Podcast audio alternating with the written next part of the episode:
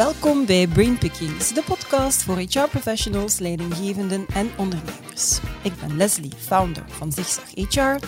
En met Zigzag HR dagen we jou uit om jezelf en je vakgebied heruit te vinden. Abonneer je dus zeker op dit YouTube-kanaal of volg ons op jouw favoriete podcastkanaal.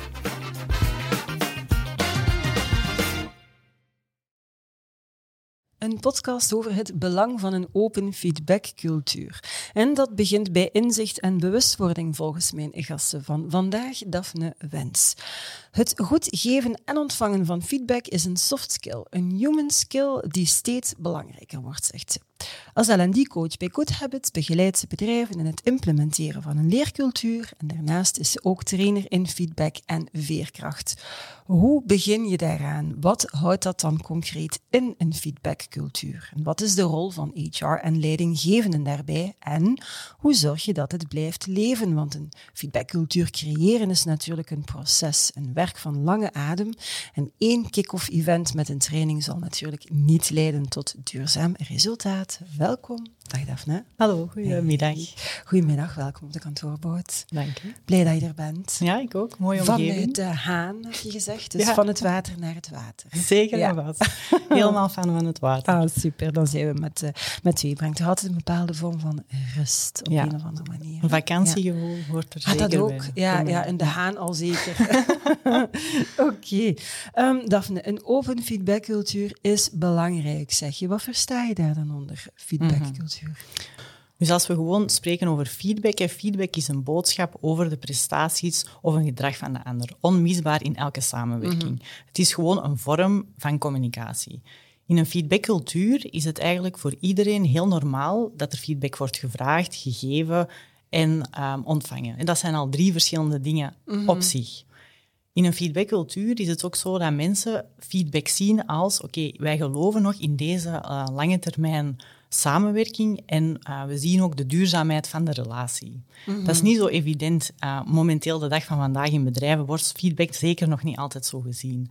Feedback gaat eigenlijk meer over van oké, okay, ik kan groeien als persoon en wij kunnen groeien in onze samenwerking. Mm -hmm. Oké. Okay. Zeg, waarom is dat dan vandaag nog belangrijker geworden dan mm -hmm. vroeger?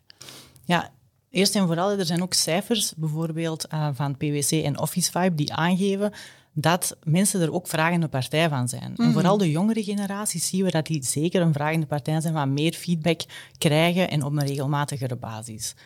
Daarnaast, eh, je ziet sowieso, uh, de, bedrijf, de bedrijven zijn veranderd, onze structuren zijn veranderd. Vroeger was het eh, never change a winning team. Mm -hmm. En nu is het van, ja, je zit in verschillende teams, je hebt heel veel verschillende verantwoordelijkheden. Soms heb je de leidinggevende, andere heb je een projectteam zonder leidinggevende. Dus het is allemaal veel complexer geworden. Uh, en kijk maar naar de afgelopen jaren. We hebben meer een hybride werksamenleving, mm -hmm. um, eh, dat toch ook een hele andere soort communicatie vraagt. En ik las onlangs um, in een artikel van Trends dat België jammer genoeg een koploper is in burn-out. En um, daar stond dat een van de verklaringen is dat er binnen onze bedrijfscultuur een gebrek is aan open en respectvolle communicatie. Ja. Dus ik denk als je al deze redenen hoort, hè, mm -hmm. dat het belang van een feedbackcultuur uh, toch wel duidelijk is. Ja, ja, ja. oké, okay, zeker en vast. Zeg, en hoe worden bedrijven, medewerkers, teams en leidinggevenden daar dan beter van? Ik hoor je zeggen, zeker jongeren zijn daar vragende mm -hmm. partijen van. Maar al die verschillende stakeholders die daar allemaal een rol in te spelen mm -hmm. hebben, hoe worden zij daar elk beter van? Ja, het is, het is inderdaad niet zo dat we nu gaan spreken over dat iedereen pas en onpas zijn mening geeft. Hè. Mm -hmm. Het blijft wel zo dat dat vanuit een bepaald format en een bepaalde vorm en structuur is. En dan gaat dat eigenlijk invloed hebben op um, sowieso de motivatie, de mm -hmm. betrokkenheid van mensen, de individuele prestaties. Um, omdat ja, die wederzijdse band van dialoog ja, wordt daar versterkt en dat is gewoon een logisch gevolg daarvan. Mm -hmm. We hebben ook gezien in studies dat personeelsverloop van bedrijven die daar al op inzetten eigenlijk echt daalt. Dus dat okay. is ook wel in deze ja. war of talent en niet onbelangrijk. Ja, ja. Dat mensen uh, ja. aan boord willen, mm -hmm. uh, willen blijven. Nu, ik durf dan veronderstellen dat de meeste mensen die nu luisteren of kijken, dat die toch wel overtuigd zijn van het belang mm -hmm. hè, daarvan dat je nog eens komt te schetsen van zo'n open feedbackcultuur. Het ding is natuurlijk, ja, hoe begin je daaraan? En ik weet nog, hè, je had aangegeven zo een voorbereidend gesprek, dat ik zei van, waar, waar gaan we het over hebben? Dat je zei van, ja, eigenlijk is zo werken aan een feedbackcultuur een beetje eigenlijk werken aan je conditie. Je moet daar continu op inzetten mm -hmm. als je tot resultaat wil komen. Jij begeleidt heel veel bedrijven daarin, dan kan ik me inbeelden dat je ook heel goed weet wat werkt en wat dat niet werkt. Mhm. En dat je zo'n aantal cruciale elementen naar voren kan schuiven, waar dat we echt niet voorbij kunnen om tot zo'n feedbackcultuur Mhm. te komen. Ja. Kunt je die aan ons vertellen, Daphne? Ik heb er al een viertal bij voor jullie vandaag. Dus eh, we gaan eerst... Het eerste Mhm. is, zoals je zelf al in de introductie zei, het is jammer genoeg niet zo als we gewoon een feedbacktraining gaan aankopen, Mhm. dat daarna de, feedbacktra- de feedbackcultuur geïnstalleerd is. Hè. Dat is zo hetzelfde bij Good Habits. Begeleid ik ehm, bedrijven ook naar een ehm, leercultuur. Mhm. Dan kopen ze het Good Habits aan hè, en dan zeggen ze, oké, nu gaan alle mensen spontaan beginnen leren. Nee, jammer genoeg werkt het niet zo, ook zo niet bij feedbackcultuur. Dus ehm, het is eerst en wel heel belangrijk dat je een duidelijke visie en missie ehm, opstelt. Waarom gaan wij dat doen als bedrijf? De why. Ja. Dat is heel belangrijk. Is er eigenlijk is er vraag naar? Van waar komt dat? En dan ga je dat vertalen naar hè, what is in it for them? En voor them is zowel voor de organisatie als voor de teams als voor de medewerkers.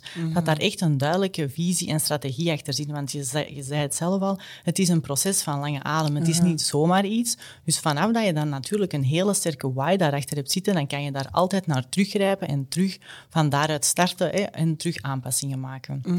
Ik vind het ook interessant om het zeer hoog op de agenda te zetten, strategisch. Ja. Want ehm, als mensen gaan voelen van oké, dit is niet gewoon iets dat er weer eens bij komt, of iets vanuit HR, dat wordt georganiseerd. Ja, een- ja. maar dat het echt komt vanuit, oké, dit hoort bij onze bedrijfscultuur. Je gaat dat linken aan je bedrijfscultuur vanuit een strategisch plan, ga je daar mee op inzetten, dan ga je gewoon zien dat het veel sneller ja, gaat ehm, gebeuren in je organisatie, omdat die draagkracht daar eigenlijk Ja. is. Oké, dus dat is een tweede. Gaat mij Nee, dat was een eerste. Ah, dat hoort nog bij het eerste. Ja. Oké. dus het eerste missie, visie Ja. en hoog op strategisch niveau Agenda, zetten. en what is in it for them. Dat is een eerste belangrijke zaak. Als we dan naar het tweede gaan, eh, we gaan een veilige en vertrouwde omgeving creëren. Ja. Want een omgeving die niet veilig en vertrouwd is, dan gaan mensen sowieso niet delen. Niet kennis delen, niet ervaringen delen, ook geen feedback delen. Nee. En niet delen, hè, dan komen we eigenlijk tot stilstand. En stilstand is achteruitgang. Ja. Dus vandaar, wees u bewust van, hé, hebben wij een veilige en een, een ehm, vertrouwde omgeving? Dan komen we bij die term van psychologische Ja. veiligheid. Dat is ook een hele hè, gekende term momenteel in HR. Ehm, daar kun je een aparte podcast over Ja, geven. absoluut. Dus ehm, die psychologische veiligheid, dat gaat over de subtiele interactie tussen mensen. Dus mensen die ehm, de gedragingen stellen van, hè, ze kunnen vragen stellen, ze kunnen fouten maken, ze durven met nieuwe ideeën naar voren komen, ze durven elkaar challengen, ze zijn best wel oké als er is een eh, conflict in het team is, ze kunnen dat oplossen. Dus het zijn al die gedragingen die ervoor zorgen hè, dat high-performance teams goed werken. Maar daarvoor heb je dus die vertrouwde, veilige omgeving nodig. En zoals ik zei, je kunt er een hele podcast over doen, hè, van wat je daar allemaal voor kunt doen. Ik haal er gewoon drie korte zaakjes uit. En het eerste is iets misschien heel evident, maar het begint bij hè, leer elkaar kennen Ja. als personen. Wij werken wel allemaal samen, maar wij hebben ook allemaal ja, onze persoonlijkheid mee op het werk. En wat is dat dan? En dat is, als je denkt aan de ijsberg, we zien al het gedrag bovenaan, hè, boven de waterlijn, maar wat drijft die persoon? Wat zijn de overtuigingen van die persoon? Hoe is die tot hier gekomen? Waarom doet hij de dingen dat hij vandaag doet? Dus die elkaar leren kennen is eigenlijk van cruciaal belang. En dan moet ik ook denken aan een eh, filmpje van eh, Simon Sinek, waar hij zegt van de, dat eh, vroeger als wij op een meeting kwamen en dan zaten wij en dan gingen wij nog eens samen rap een koffie halen Ja. of we waren aan het wachten en dan kwam er toch een, ja, toch al een, een babbel naar voren van ah, hoe is het met u vandaag of je ziet iemand of je ziet iets nieuws aan iemand. En nu vandaag de dag zie je vaak dat in die online meetings, en ik denk dat we het allemaal doen, de camera uitblijft totdat de meeting start. Hè, je blijft werken en dan Ah, komt de camera. Dus dat, dat dat, is- ja. momentje daarvoor, dat is eigenlijk van ja, die, ja, die verbinding creëren, hè, die samenwerking. Dus ehm, to get to know each other better, dat is een van de voorwaarden Mhm. voor die, om zo'n veilige en vertrouwde omgeving te creëren. Je kunt dat natuurlijk ook doen door persoonlijkheidstesten enzovoort. Dat is daar zeker ook een oplossing van, maar daar moet dan ook een kader voor rond worden geschetst, Ja, dat dat gewoon niet een gewoon interessant is. gesprek vanuit Ja. interesse ook Voilà, wel, verbinding Ja, is hè, van toon, eh, stel elkaar geïnteresseerde, oprechte vragen. Maar hij doet dat ook authentiek, want ik zie ook wel in bedrijven dat mensen zijn gewoon soms spontaner, extraverter en anderen zijn introverter. Dat duurt, allee, die stellen andere vragen op of, of die zijn Ja. geïnteresseerd in andere zaken. Dus laat dat ook spontaan gebeuren. Maar wat ik hier het punt wil maken is, wees ervoor bewust. Want door het, ja, de hybride werksamenleving is het gewoon iets waar we veel bewuster mee moeten omgaan nu. Mhm, dus dat is dat eerste puntje. Dan een tweede punt daarin is ehm, waardering, hè, complimenten geven. Ik denk dat we dat ook niet mogen vergeten, hoe belangrijk dat, dat eigenlijk mhm. is. We, we, werken allemaal samen aan een team, ook al kunnen we heel zelfstandig werken. Je hebt toch ook een teamgoal. En ehm, welke bijdrage lever je daarin? Hè? Welke bijdrage um, word je daarvoor gezien? Word je daarvoor gehoord? Dus dat is interessant om mee om te gaan. En complimenten geven, hè, dat is dan positieve feedback, mhm. die kunnen ook nog wel veel meer uh, vorm krijgen. En daar bedoel ik mee, hè, ga echt uh, complimenten geven op de inspanning en niet zozeer op de bekwaamheid alleen. Ah, hè. Bijvoorbeeld, um, een meet, hè, ah, uw uh, presentatie was heel goed gegaan kunt ook zeggen van, ik vond de slides bij uw presentatie echt heel goed gekozen, want uw verhaallijn kwam overeen met dan uh, de printer die je had gekozen. Als je toen die interactie creëerde, dat iedereen moest rechtstaan, dan maakte dat de groep mm daarna veel meer meewerkte. Dus verstaat zie je het verschil tussen de presentatie was goed verlopen. Dus mhm. daarin is het ook wel interessant om bewuster te zijn van hoe geven wij ons complimenten en doen wij dat snel tussendoor of gaan wij echt iets waarderen in de anderen. Dus dat is ook zoiets, dat creëert een veilige en vertrouwde mm. omgeving als mensen um, dat meer en meer gaan doen. En ja, zo'n veilige en vertrouwde omgeving is ook, we willen dat gedrag stimuleren van vragen stellen, van elkaar challengen. Dus geef daar ook, maak daar ook ruimte voor. Hè. Bijvoorbeeld mensen die al een training hebben gevolgd bij mij, die weten dat ik vaak dan een incheckmoment doe. En dan kan je inchecken rond ehm, verschillende aspecten, maar bij mij is dat vaak, hè, hoe is het met je energie vandaag? Mm Hoe is het met je enthousiasme, state of mind? En hoe is het met je focus? En die, die check-in, die korte check-in, van een cijfer van 0 tot 10 of van 0 tot 5, mm dat maakt al dat je aanwezig bent in de meeting. Dat je voelt van, oké, wie is hier nu op een hoger, allez, op hetzelfde niveau als mij? Of oké, wat maakt dat? Als je een, een, meeting hebt waar dat je dan heel belangrijke topics moet presenteren en er zijn heel veel mensen die heel laag in die cijfers zitten, wat niet erg is, wat perfect kan, maar dan weet je ook van ja, dat gaat een invloed hebben op die meeting. Dus die veilige en vertrouwde omgeving maakt die momenten daar ook voor. Mm hè, zorg dat die openheid er is. Uh, ook een check-out bij een, na een meeting of na een training van hoe is het, wat neem je mee enzovoort. Dus dat zijn die zaken die van cruciaal belang zijn, ook als je een feedbackcultuur wilt gaan installeren. Het gaat niet alleen over, ik ga nu eens even een boodschap geven over uh, onze samenwerking. Hè, Dat mhm. omvat veel meer. Dus neem die psychologische veiligheid ook mee in je traject als je eraan begint. Alright. Dus dat is mijn uh, tweede punt. En een derde cruciale punt Um, was het maar zo dat als wij allemaal op een mooie manier feedback geven, dan mensen feedback niet meer zouden zien als aanvallend of, of zo. Jammer genoeg is dat ook in de praktijk niet zo. Jij mocht jij je zo goed voorbereiden, toch kan de ander helemaal anders reageren. Ja. En uh, het punt dat ik hier wil maken is wederom rond bewustwording van... Um, als wij als mensen eigenlijk bewust zijn wat er dan met ons gebeurt. Hè, want wat daarvoor verantwoordelijk is, is eigenlijk ons uh, limbische deel van onze hersenen. Hè. Mhm. Dus dat is het meest primitieve gedeelte. Dat wil ons eigenlijk, kort door de bocht, altijd veilig stellen. Die wil angsten verminderen, ons beschermen. En als dat uh, bedreigd, zich bedreigd voelt, en dan gaat er een aantal processen in gang schieten, hè, uh, stresshormonen creëren. En vooral, je gaat eigenlijk minder bewust aanwezig zijn vanuit je menselijk brein, maar meer vanuit je instincten en emoties. En je mhm. kunt minder luisteren, minder problemen oplossend denken. Je bent gewoon minder aanwezig. En feedback, hè, dus ons brein kent eigenlijk het verschil niet tussen zo'n symbolische bedreiging en tussen een werkelijke fysieke bedreiging. Mhm. Dus feedback wordt ook vaak zo gezien als een ja, symbolische bedreiging en dan brengt dan heel die processen op gang. Ja. Dus als mens zit jij daar dan, komt jij in je meeting, zit je helemaal rustig, wilt jij dan mee naar een oplossing en ineens gebeurt er iets met jezelf waar dat je van denkt, ja, ik ben hier getriggerd. Dus ook daarin heel belangrijk dat je dat meeneemt in dat traject van feedback, dat mensen zich daarvan bewust zijn van, ah, dat mhm. kan gebeuren met mij, ik ben dan getriggerd, wat kan ik dan doen? Want dat gaat dan een beetje over emotieregulering onder andere, van, ik ben getriggerd, wat kan ik dan doen? Uh, achteraf, als je getriggerd bent, hoe kun je dan eigenlijk een beetje gaan reflecteren over wat er is gebeurd? Hè? Daarvoor staan ook heel veel modellen. Je kunt daar heel veel schema's voor gebruiken. Mhm. Er zijn heel veel tips rond hoe, wat als ik getriggerd ben.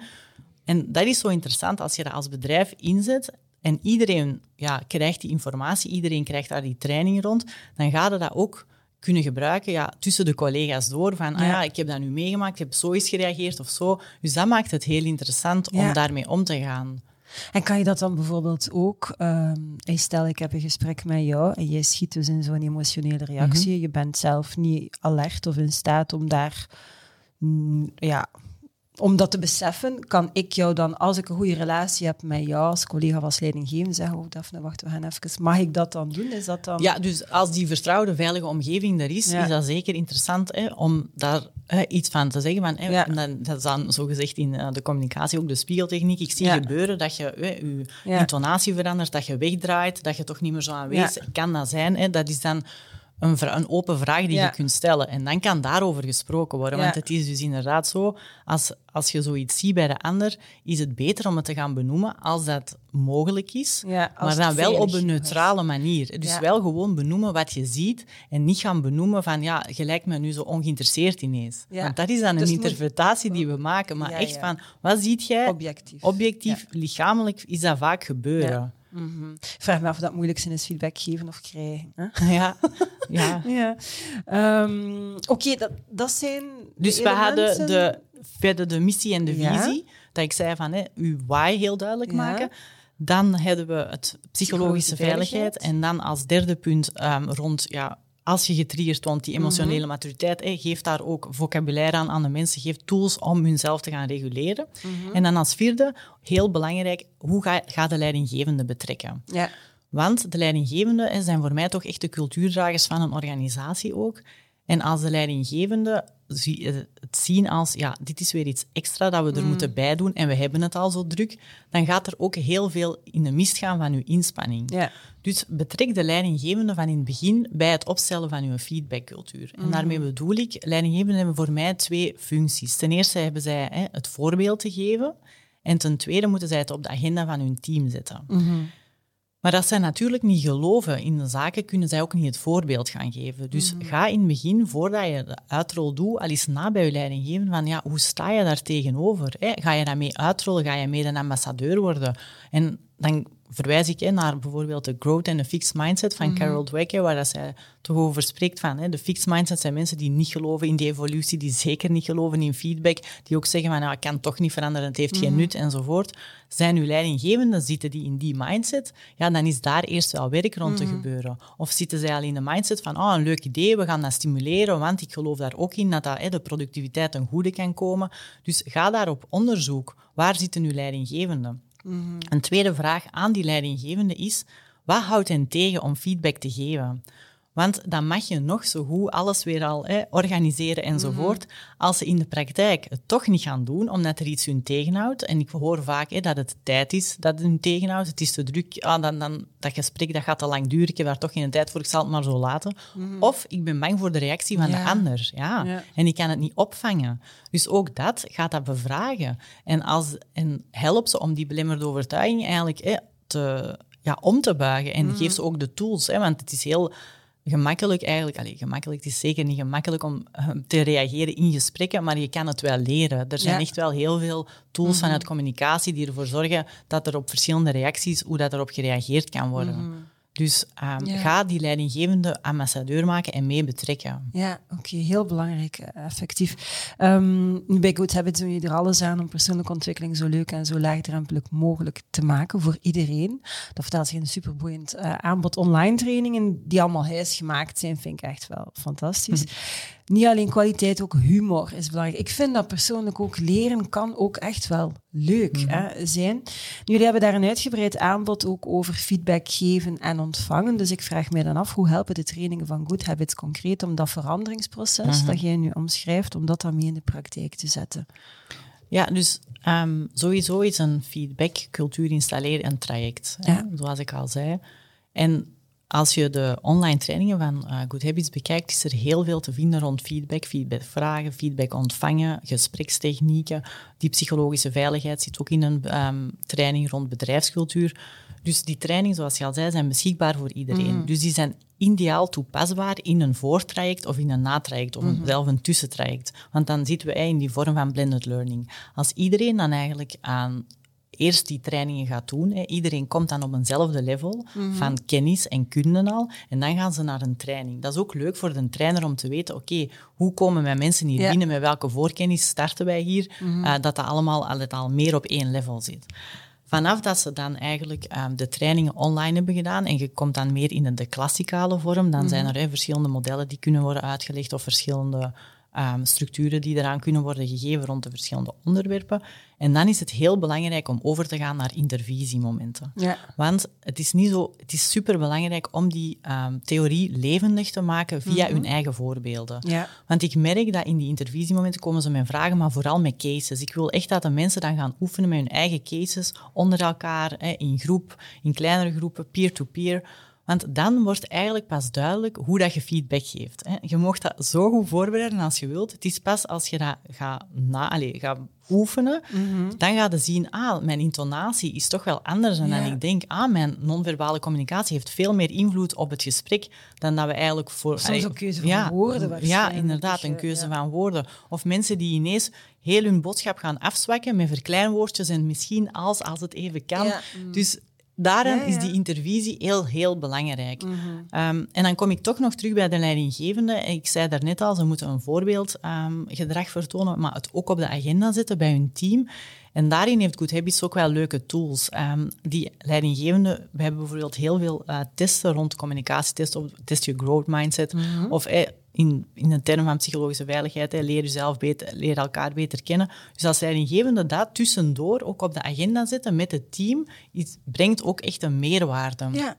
En daarnaast kunnen ze zelf ook aan de slag gaan met de workouts. Dat is eigenlijk ja, een, ehm, ja, een, een, een, de workouts, dat is eigenlijk een soort ja, tool die wij gaan geven aan de leidinggevende, zodanig dat ze alle trainingen die online gevormd worden, daarna in team kunnen gaan bespreken. dat dat teamleren echt tot stand kan komen. Dus je ziet, het, is echt heel interessant om het online eh, platform in combinatie te doen met klassikale trainingen en intervisies. Ja, want als je het er gewoon zet en je zegt tegen mensen het is er, dan Ja, gaat het nee. niet gebeuren. nee, inderdaad. Oké.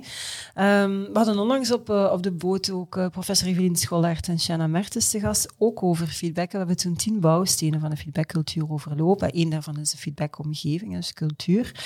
Wat ik uit die podcast opgestoken had, is dat we er goed aan doen om ten eerste meer en sneller feedback te geven. Ten tweede niet te veel op het verleden te gaan focussen, maar vooral echt toekomstgericht en doelgericht feedback te gaan geven. En ten derde, zowel, en dat vond ik eigenlijk verrassend en, en ja, toch weer niet, positieve feedback is belangrijk, maar ook negatieve feedback is belangrijk. Uiteraard met die verstand dat er meer positieve dan negatieve feedback moet zijn. Dat is alle twee belangrijk, maar hij moet vooral sterktegericht zijn. Dat zijn zo'n aantal zaken die mij zijn bijgebleven. Om opnieuw de link te leggen dan naar good habits. Hoe, hoe krijgt dat dan vorm in, in, in de opleidingen en dan in de coaching bijvoorbeeld die daarbij komt? Ja, het is dus ehm allee, al interessant om te gaan kijken. In zo'n feedbackcultuur is het wel een belangrijke statement iets. Als er feedback wordt gegeven, is dat omdat we geloven in die lange termijn samenwerking en in de duurzaamheid van de relatie. Dus daarin ja, op sterkte gericht, maar zeker ook op groei gericht. Hè? Want Ja. mensen weten het toch van ja, het is omdat we samen willen groeien en onze samenwerking willen verbeteren. Daarom is het soms hè, die term feedback hè, zo wat beladen en slecht gekozen. Die feed forward hè, van eh, Dr. Ja. Goldsmith is, klinkt dan al beter, geeft meer energie en dat geeft meer naar eh, de groei toe. Ja, hoe komt dat dan eigenlijk in, ehm, ja, in de praktijk? Hè? Denk als je zegt mensen sneller en meer hè, feedback laten geven, dan moet dat eigenlijk een gewoonte worden.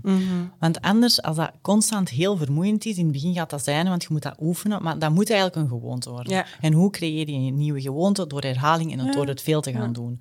Dus van daaruit, als je dan start met een heel praktisch model, ehm, dat praktisch toepasbaar is op, heel, op al je verschillende cases die je hebt, en dat je dat dan gewoon gaat inzetten. Dat je mensen echt laat beter worden op die bepaalde skills. Hè. We denken aan een, een model zoals eh, het BUSK of het DESK. Dat zijn zo twee heel bekende feedbackmodellen, waar dat er verschillende stappen worden doorlopen.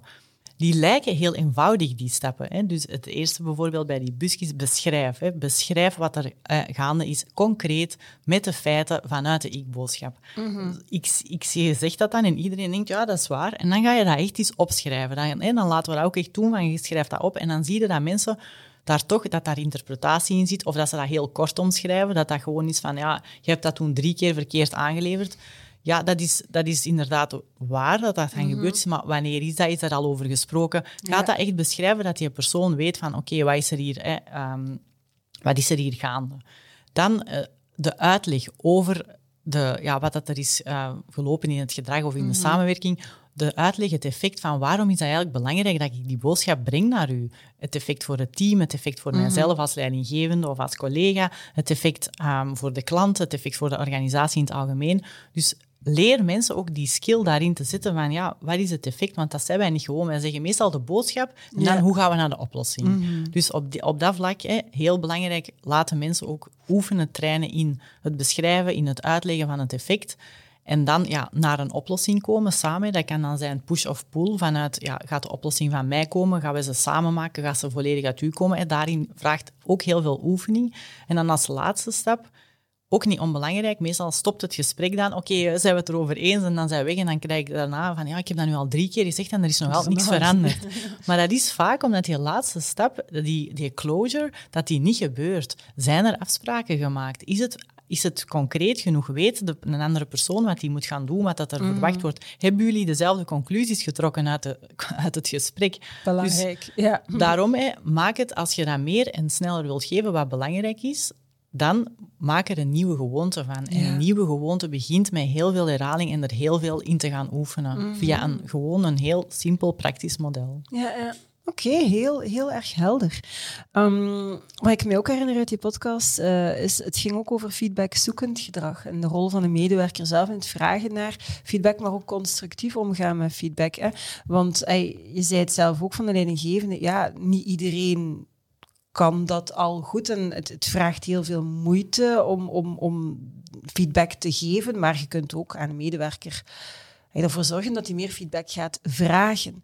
Hoe kan de leidinggevende dan bijvoorbeeld best um, dat stimuleren in eerste instantie, dus dat, dat medewerkers zelf feedback gaan vragen? En een tweede vraag, misschien van een andere orde, als die leidinggevende dan feedback geeft en de medewerker gaat echt in weerstand, wat is dan de beste Mhm. manier om daarop te reageren? Hoe ga je daarmee aan de slag? Ja, eerst de, de eerste korte vraag van feedback vragen, dan denk ik inderdaad dat we het hebben over uh, creëer die veilige omgeving. Ja. Doe zelf het voorbeeldgedrag, uh, stimuleer dat ook in meetings. Dus daar kun je het al praktisch op inzetten. um, die vraag rond weerstand is wel heel interessant. Ja. Um, zoals ik zei, dat gaat sowieso gebeuren. Mhm. dat, is, um, dat is een feit. En als leidinggevende kan je wel verschillende zaken zelf doen. Hè. Met welke um, intentie en energie begin je al zelf aan dat gesprek. Mhm. Want dat is niet onbelangrijk om te weten van jezelf. Mensen zeggen, ja, ik kan dat hier doen, maar dan, dan zeg ik soms, ja, zit er zeker geen lading op. En ik begrijp hè, dat er lading op kan zitten als je dat gesprek al misschien drie, vier keer hebt gedaan. Maar weet dat dan ook, dat je dat meebrengt in het gesprek of dat je dat voor jezelf even Mhm. gaat reguleren en neutraal maakt. Dus wat is je eigen intentie, wat is je energie dat je meebrengt? Dat is al een belangrijk aspect. Dan, um, daarnaast, timing. Je wilt dat gesprek op een rustige manier kunnen doen. Dus is, ben je zelf in een rustige mindset, weet jij ook dat je dat niet doet net een half uur voordat iemand zijn deadline moet afwerken, bijvoorbeeld. Ja. Hè? Ja, ook interessant om even mee rekening te houden. Mhm. Daarnaast ken jij je uh, mindset van, je, uh, van de persoon waar dat je feedback aan gaat geven. Is dat Mhm. iemand die eerder in een growth mindset zit of in een fixed mindset? Want daar gaat je ook al van kunnen zien van, ja, hoe, hoe ga ik hier eigenlijk ja, op inspelen? Is het dan niet eerder belangrijk dat we daar eerder een conversatie over hebben dan dat ik nu mijn feedback ga Mhm. geven? En dat is een keuze die je zelf kan maken. Daarnaast kan je natuurlijk je ook gaan voorbereiden. Hè? Wat, wil jij, wat is het doel van het gesprek? Wat wil je bereiken? Hoe ga je dat brengen? En dan de weerstand die we zien vanuit feedback, die dat er vaak gebeurt, is, hè, dat noemt de waarheidstrigger. En dan gaan mensen eigenlijk van in het begin al um, getriggerd zijn door wat jij zegt in je beschrijving. Mhm. Stel je voor dat je zegt, je bent drie keer heb je iets te laat afgeleverd en dat die persoon al weet, dat was maar twee keer en die derde keer Ja. was anders, dan is die al niet meer aan het luisteren. Dat is zoals ik helemaal in het begin omschreef, dan zit je al niet meer in je um, rationele brein gewoon op probleemoplossend gaan meedenken, maar ik ben aan het luisteren aan u en dan ben je al in je getriggerd in je um, emoties en in, allez, in je instinctieve reacties. Dus je gaat niet meer luisteren. Dus wat kun je als leidinggevende daarvoor doen? Zorg dat je beschrijving zeker correct is en voldoende gedetailleerd dat, dat je die trigger al hè, kunt Ja. achterwege laten. Mhm. Dan een andere trigger is de relatietrigger. Dat wil zeggen dat als de relatie tussen ehm, ja, een leidinggevende of, of, en de werknemer of tussen werknemers niet zo goed voelt, dan kan het zijn dat dat ervoor zorgt dat de feedback niet kan worden ontvangen. Dan mag Ja. de boodschap nog zo goed gegeven zijn, die relatie zit daartussen. Dus als je dat eigenlijk al weet als leidinggevende, is het belangrijk om eerst die relatie te gaan bespreken, die relatie bespreekbaar te maken. Is dat niet mogelijk? Dat kan. Dan is het interessanter om daarmee te beginnen en om dat gewoon te benoemen. Ik Ja. weet dat onze relatie al het soms niet altijd gemakkelijk verloopt. Toch is het belangrijk voor mij dat ik dit zeg. Hè, zie je? Ja, dus dat is al een manier dat je die twee triggers een beetje kunt ja, gaan, op gaan inspelen als leidinggevende. En dan natuurlijk, als ze nog getriggerd worden, dat kan gebeuren, is het als leidinggevende belangrijk dat je dan eigenlijk gaat luisteren. Want alle weerstand die er komt, daar, ja, dat is, Zacht, ja, dat is luisteren en erkenning geven. En erkenning geven is zeker niet gelijk geven, want dan hoor ik dan zeggen, maar, ik kan dat, niet, maar dat gaat niet over gelijk geven. Alles wat in weerstand komt, dat wil eigenlijk gewoon gezien en gehoord worden. En als wij als mens dat gewoon gaan naar, naar luisteren, maar echt actief luisteren, hè, dat je dat ook kunt gaan herhalen met die woorden van hey, ik zie dat het een impact op u heeft, ik begrijp dat het niet gemakkelijk is als jij al die mails zou krijgen enzovoort, dat je dat ook kunt herhalen en dat je daar eerst erkenning voor geeft. Ja. En soms is dat dan misschien zelf ehm, een paar keer dat dat nodig is. En soms is dat ook zo dat dat gesprek niet kan worden verder gezet, omdat die, ja, die weerstand eerst te groot is. Maar ga dan niet terug naar je eigen gesprek, ga dan niet naar de oplossing, want daar is toch geen ruimte voor. Dus blijf dan eerst bij die, eh, bij die weerstand, luister, geef daarvoor erkenning en zie van, oké, ga, hoe, allee, lost dit een beetje op? Hoe kan ik die persoon daaruit hel- helpen? Want naar uw eigen gesprek teruggaan en zeggen, eh, we gaan dat hier oplossen, dat is op dat moment niet meer relevant, ook niet. Ja. Maar ik hoor er in ieder geval een, dat er toch een enorme voorbereiding aan Mhm. vooraf gaat als je dat, als je dat heel goed wilt doen. Ehm, dat, dat is toch een stukje wat, wat ik daaruit afleid en wat dat volgens mij het succes ook van je gesprek gaat ga, ga verhogen. Ehm, ik kan me ook inbeelden dat heel veel mensen dat gewoon zo lang mogelijk uitstellen, waardoor dat eigenlijk alleen maar het probleem dat ze bespreekbaar willen maken groter wordt.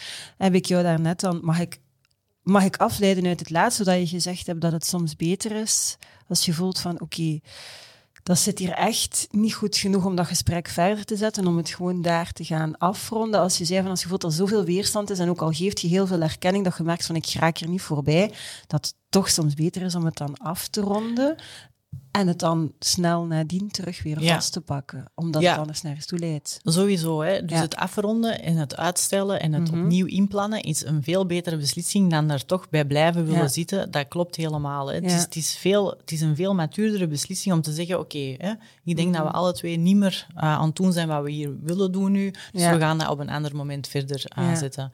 En ik hoor u nog zeggen over die voorbereiding. Dat klopt, hè, dat dat veel voorbereiding vraagt.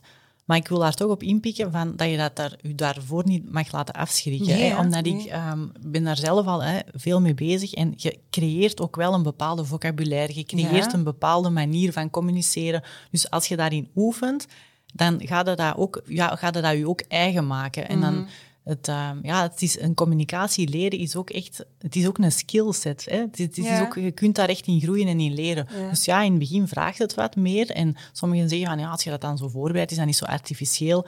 Dan zeg ik ja, dat kan misschien zo overkomen, maar dat is wel hoe, dat we, gaan, hoe dat we het gaan leren en hoe dat je Mm. Ja. het vorm gaat geven en hoe dat mensen daarin groeien. En daar heb ik al heel veel succesverhalen in Ja. kunnen zien. Plus het is een stukje dat je ook zijn in het opleidingsluik van, van een intervisie, wat ik vroeger altijd deed, niet altijd, maar toch heel vaak deed, als ik zo ah, iets moest zeggen tegen me. Ik, ik schreef het zelf in alle eerlijkheid uit en dan naar een, een collega-leiding geven die ik dan voldoende goed kende van, ik, ik moet dat eigenlijk bespreken, lees dan een keer. En ik las het dan luid op voor, en dan, maar dan moet je toch zo Ja, niet zeggen. En ja. dan, oh, jee, Ja. chance dat ik dat eigenlijk eerst luid op en nu heb. Idee. Ja, dat is exact, exact wat ik zo bedoel. belangrijk. hè? Ja, en Ja. een voorbereiding en die peer-to-peer gesprekken. Hè? Ja. Ook ongelooflijk Ja. interessant. Hè? Want zoals ik zeg, dan ga je... Je zegt het zelf, je, Je wordt er juist gezegd. van, dan oh, zeg je, oh, hoe zeg ik het nu? Of dat iemand dan zegt, ja, dat ik, dat komt toch wel heel aanvallend over. Oeh, ik bedoel dat niet zo. Mhm. Ah, dus Ja, ja. zeker en vast. Ja, ehm, alright. Dus een goede voorbereiding gaat je misschien wat tijd kosten, maar het gaat je gesprek waarschijnlijk veel effectiever maken en hopelijk tot een, tot een meer constructieve... Ja. En je kunt dan ook veel meer aanwezig zijn. Hè? Ja. Want als je een voorbereiding hebt gedaan, dan weet je, oké, nou waar wil ik doen? En dan ben Ja. je aanwezig met die persoon, wat dat er da op dat moment gebeurt. Mhm. Als jij dat niet goed voor ze voorbereidt, dan moet je uit je, dan moet je woorden zoeken, dan moet je denken, ah, wat ging ik nu weer zeggen of doen? Mhm. Dan zet je in je eigen gedachten bezig, terwijl dat een feedbackgesprek vraagt om bij die persoon op dat moment aanwezig te En zijn. actief te luisteren, inderdaad. Ja. Oké. Ehm, ja, ik heb inderdaad nog veel vragen zou kunnen doorstellen, maar ik denk volgens mij wel bijna een half uur. Nee, ik ga toch nog eentje vragen. Ik kan me in... Stel nu, leidinggevende heeft een gesprek met een medewerker en die medewerker heeft misschien die dag of die week het heel moeilijk gehad en die overreageert en die loopt huilend weg. Mhm. Ja, je kunt, het is weg. Wa- Wat doe je dan? Laat je die persoon even rustig? Ga je er de dag zelf nog bij? Ga je dat aan iemand anders vragen? Je kunt die persoon niet zo naar huis laten gaan of verder. Je, je moet dat toch wel anders kunnen afronden. Heb, heb je daar nog een, eh, een tip bij? En dat moet niet huilend zijn, maar echt, iedereen heeft misschien wel zo'n moment gehad dat je zegt, oei, die is weggelopen en dit is niet afgerond. Ja. Dit moet afgerond worden. Ja, dus het is al interessant om te weten, als je dan als bedrijf iedereen door dat feedbackpad zij laten gaan, dan weet eigenlijk iedereen, allee, dus de twee mensen in kwestie, Ja. wat dat er is gebeurd. Hè? Ja. Er is gewoon weerstand gekomen, ehm, je hebt gereageerd vanuit meerdere instincten en emoties, en je weet, ik ga dat, hè, ik, of eh, je kunt dat zelf leren te reguleren, en achteraf Mhm. kun je daar op een andere manier terug gaan bekijken. Dus het is wel heel interessant als iedereen van het bedrijf dat samen heeft gekregen, die trainingen, want dan gaat het daar op een andere manier over Ja. kunnen spreken. Want dan gaat die leidinggevende daar naartoe kunnen gaan en zeggen, hey, ik zie dat een impact op u heeft. Ehm, we kunnen daar op een ander moment hè, terug over praten. Ja. Ehm, geef mij ook aan hè, wanneer dat, dat moment kan voor u. Het is niet meer de bedoeling dan om terug over dat gesprek te beginnen. Nee. inderdaad. Dus maar je moet het wel afronden, toch op een of andere ja, dat je zegt van ja, hé, je, ik sta ervoor open van eh, over te praten over je weerstand of te luisteren, dat je die deur open laat. Hè? Dat je die boodschap geeft van kijk, ik ben er voor u en eh, dat, je, dat je als leidinggevende dus je deur openzet. Dat Ja. is heel belangrijk om dat Ja. te doen.